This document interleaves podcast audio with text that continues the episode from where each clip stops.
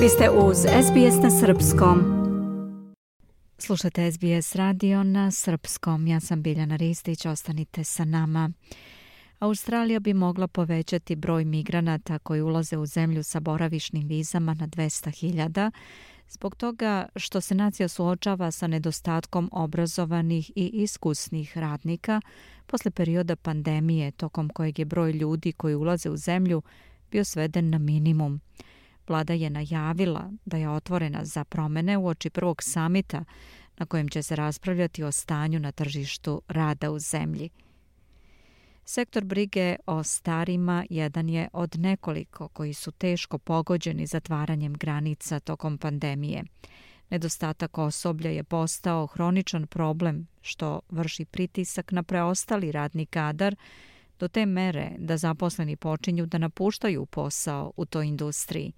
Industrija se suočava sa pravim egzodusom radnika koji pregaraju na poslu, kako je objasnio izvršni direktor lanca rezidencijalnih domova za stare Anglicare Sydney, Simon Miller. There's been a report recently that there's around 65,000 workers are leaving the sector. je objavljen izveštaj da oko 65.000 radnika napusti sektor svake godine.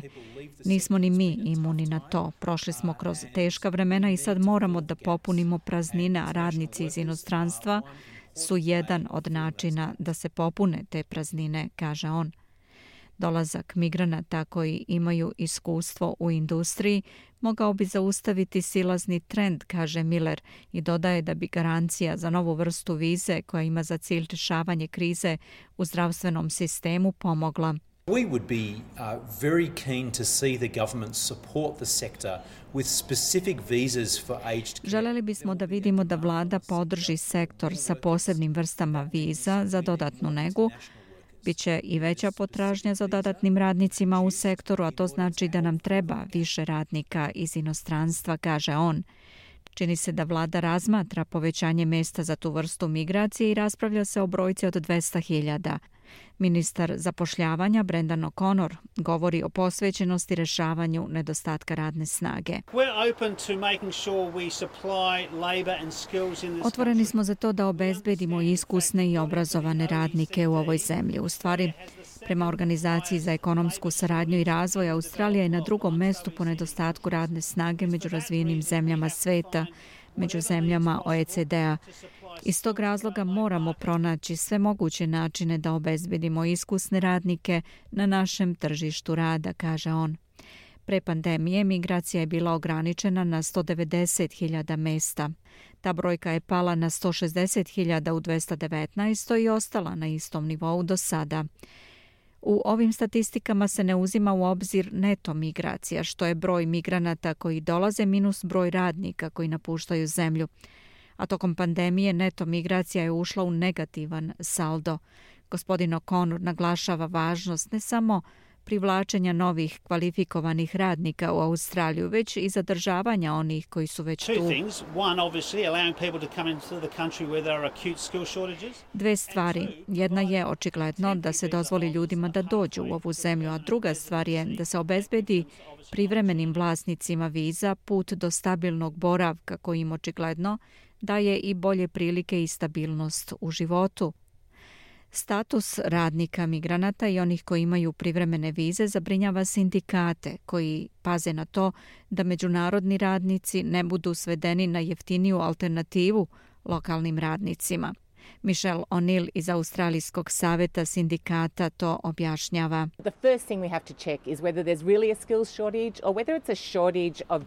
Prva stvar koju moramo da proverimo je da li je u pitanju nedostatak radnika sa iskustvom i znanjem ili je nedostatak radnih mesta sa poštenim platama i uslovima rada. Previše često poslodavci tvrde da postoji nedostatak radnika, ali u stvarnosti, kao što znamo i kao što smo videli, Previše se privremeni radnici eksploatišu, ne daju im se plate i uslovi koji bi trebalo da imaju u Australiji, kaže ona. Vlada to vidi kao dugoročnu investiciju za jačanje ekonomije, čak i ako ima kratkoročni uticaj na budžet.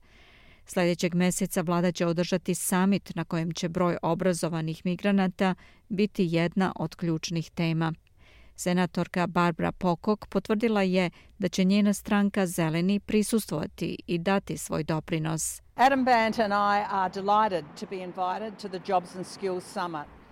Adam Bant i ja smo oduševljeni što smo pozvani na summit te planiramo da predstavimo naše ideje o tome kako da poboljšamo živote australijskih radnika, kaže. Opozicioni lider Peter Dutton jedini je lider koji je odbio da dođe, rekavši da vidi ovu konferenciju kao beskorisnu. Iz partije nacionalista su podržali odluku gospodina Datona i stavove svog koalicijonog partnera, ali je lider David Little Proud obećao da će se on ipak pojaviti. We're two different parties. We're in coalition. Mi smo ipak dve različite stranke. Jesmo u koaliciji i ja poštujem stav Petera Datona. Mislim da je u pravu. I ja mislim da je takva konferencija šuplja priča, ali ja ću biti prisutan i zauzeću se za interese ljudi u regionalnoj Australiji, kaže Little Proud. Summit pod nazivom Jobs and Skills biće održan 1. i 2. septembra u parlamentu u Kamberi. Želite da čujete još priča poput ove? Slušajte nas na Apple Podcast, Google Podcast, Spotify ili odakle god slušate podcast.